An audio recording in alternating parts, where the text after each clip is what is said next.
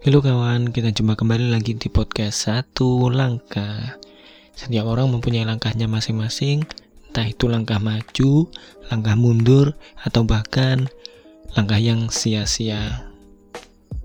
Tren saat ini adalah virus. Setiap berita, setiap pembahasan, nggak tua, nggak muda, nggak laki-laki, nggak perempuan, nggak di desa, nggak di kota, di rumah atau di luar rumah, semua yang dibahas adalah virus. Ya, COVID-19. Saya turut bersedih atas mewabahnya pandemik COVID-19 ini. Semoga kita semua dapat melewatinya dengan baik dan kita bisa mengambil hikmahnya. Dan untuk tenaga kesehatan, terima kasih banyak Kalian adalah orang-orang hebat. Tanpa kalian, mungkin penduduk dunia saat ini ya tersisa berapa, kan gitu. Pokoknya kalian adalah orang-orang hebat yang benar-benar membanggakan bagi setiap manusia. Tetap semangat, jaga kesehatan. Eh, semoga harapan kita semua dapat segera terwujud.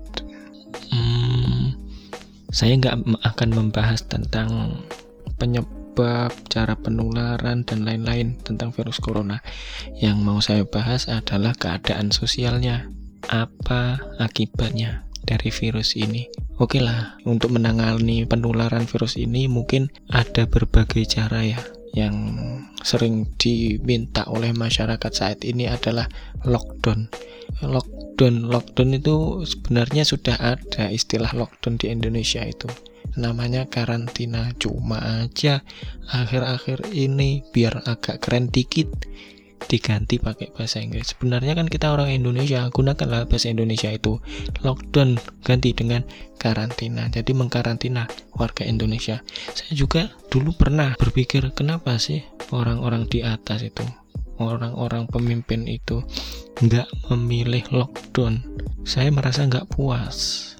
Pak, mungkin banyak dari kita tapi kan setiap pilihan itu pasti ada pertimbangannya dulu, mana baik dan buruknya.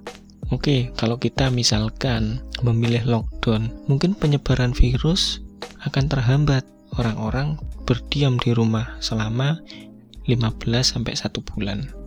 Tapi ada hal yang penting, yaitu bagaimana menyediakan kebutuhan manusia itu.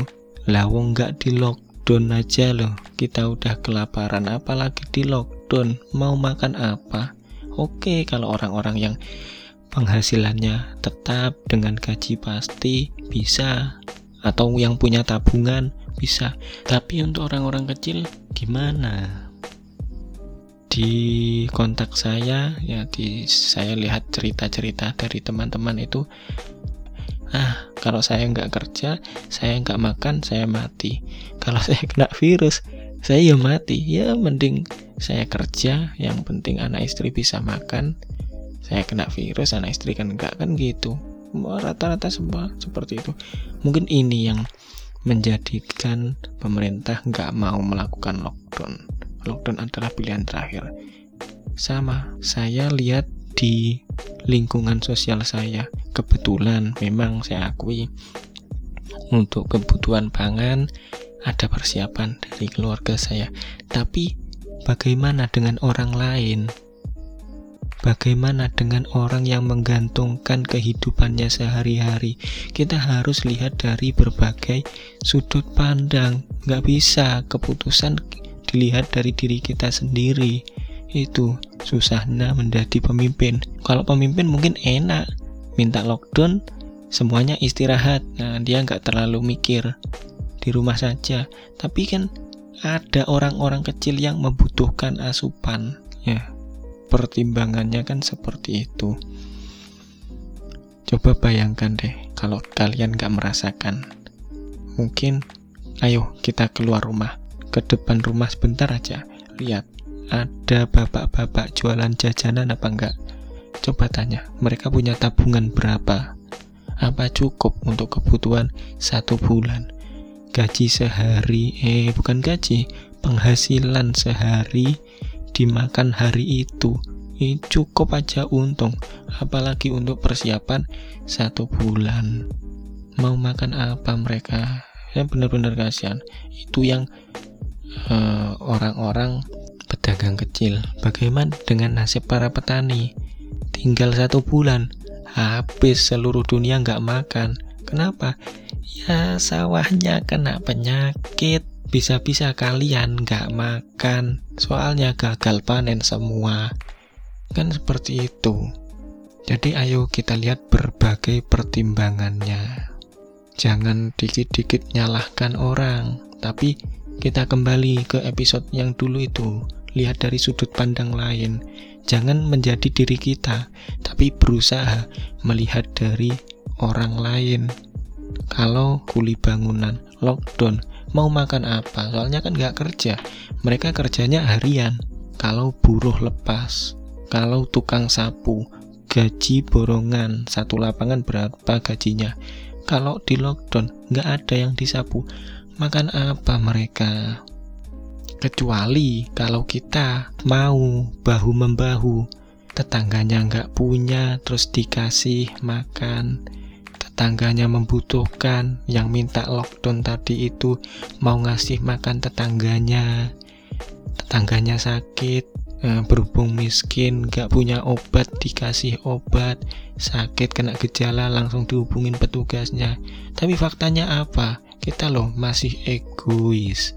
Kita hidup diri sendiri gak mau mementingkan kebutuhan orang lain. Yang penting saya selamat entah orang lain bebas. Mereka mati ya biar mati. Faktanya kan memang seperti itu. Buktinya kemarin hari pertama diberlakukannya di rumah aja. Puncak Bogor penuh. Lah kemarin protes minta lockdown sekarang dikasih bukan lockdown tapi di rumah aja. Langsung liburan semua. Kan serba repot. Itu loh hari pertama. Apalagi kalau 15 hari. Apa enggak rakusnya manusia ini keluar? Buktinya kalau manusia ini rakus dulu pas kejadian gempa Palu berapa toko yang dijarah oleh manusia? Kalau menjarah sembako mungkin oke okay lah kebutuhan makan karena itu gempa. Lah yang dijarah ini bukan cuma sembako tapi barang-barang berharga lainnya. Velg ban dicuri. Jadi itu di mall mobilnya bannya itu loh hilang. Kan rakusnya manusia itu itu kan berapa hari cuma nunggu bantuan datang. Lah ini se Indonesia mau di lockdown selama satu bulan. Buyar Indonesia. Ya jadi pertimbangannya di situ. Selama masih ada jalan lain ayo cari. Mungkin pemerintah menggunakan jalan lain. Nanti kalau sudah nggak bisa benar-benar ya terpaksa kita harus tadi itu mengalah ke tetangga. Jika benar-benar suatu saat nanti dilakukan lockdown ya. Jadi ayo kita melihat dari sudut pandang orang lain. Saya pernah marah dalam diri saya. Kenapa penyakit ini masuk ke Indonesia kenapa nggak dari dulu dikunci? Dan saya diam pas saat saya keluar rumah saya lihat tetangga saya yang jualan keliling. Saat itu juga saya sadar bahwa kalau Indonesia dikunci bapak ini lo makan apa banyak orang yang protes minta Indonesia dikunci tapi cuma protes-protesnya saja apa mau ngasih makan bapak ini pasti pada mikir perutnya sendiri-sendiri itu loh Padahal sifat manusia kan nggak kayak gitu sebenarnya. Tapi kenapa saat ini buktinya seperti itu fenomena yang ada saat ini? Ayo kita saling bahu-membahu, saling menguatkan. Kalau Indonesia benar-benar mati, oke dari dulu Indonesia mati berapa orang yang kena PHK gara-gara perusahaan bangkrut. Nanti semua pengangguran, nyalain pemerintah lagi, nggak bisa ngasih lapangan pekerjaan. Lah, enak kok. Jadi manusia itu enak. Kita gagal salahin aja orang lain. Kita gagal salahin aja Tuhan. Gitu. Manusia itu enak paling enak jadi makhluk makhluk yang paling sempurna. Nggak ada. Paling enak jadi makhluk. Ya katanya sih makhluk yang paling sempurna. Padahal ya bangsat itu. Ya setiap ada permasalahan pasti kalau nggak nyalain nyalain diri sendiri nyalain pemerintah. Itu nyalain Tuhan. Pokoknya jadi manusia itu ya mau enaknya sendirilah. Jadi ayo kita semua kembali ke diri kita masing-masing. Jangan cuma egois kita pentingkan orang lain. Semuanya jaga kesehatan uh, jaga jarak dengan orang lain. Nggak perlu sih kita di lockdown. Yang penting kita bisa melakukan apa semuanya yang disarankan. Di rumah aja ya di rumah aja nggak usah keluar rumah. Katanya kita ini bangsa yang bebas nggak mau diatur ya tapi kita harus tahu aturan. Sudah disarankan di rumah tetap aja keluyuran. Kalau sakit nyalain pemerintah. Kenapa enggak? Dari dulu di lockdown. Padahal sudah disaranin di rumah aja. Kalian sendiri yang keluyuran. Dasar brengsek. Sok hebat lah sok kuat. Kalian mati nggak apa-apa. Kalian yang merasa kuat mati mati sekalian aja. Ada yang mikirin Masalahnya, kalian sakit, yang kena itu keluarga. Mereka nggak tahu apa-apa. Kamu yang sakit, ibumu yang kena imbasnya, soalnya satu rumah. Sama seperti kamu e, jadi penyakit di rumah itu, padahal orang-orang itu orang-orang kesayanganmu kan, cuma karena dirimu yang egois ya ayo kita semua saling berdoa saling menguatkan ikuti aturan. Kalian semua udah pada pinter. Cuma yang penting di sini adalah bagaimana kita nggak merasa pinter. Tapi bagaimana kita berbuat yang lebih benar. Itu saja untuk episode pada malam hari ini. Semoga kita selalu berada dalam lindungannya Semoga kita selalu sehat dan bisa menjalani aktivitas seperti biasanya. Selamat malam, kita jumpa kembali lagi di podcast Satu Langkah episode selanjutnya.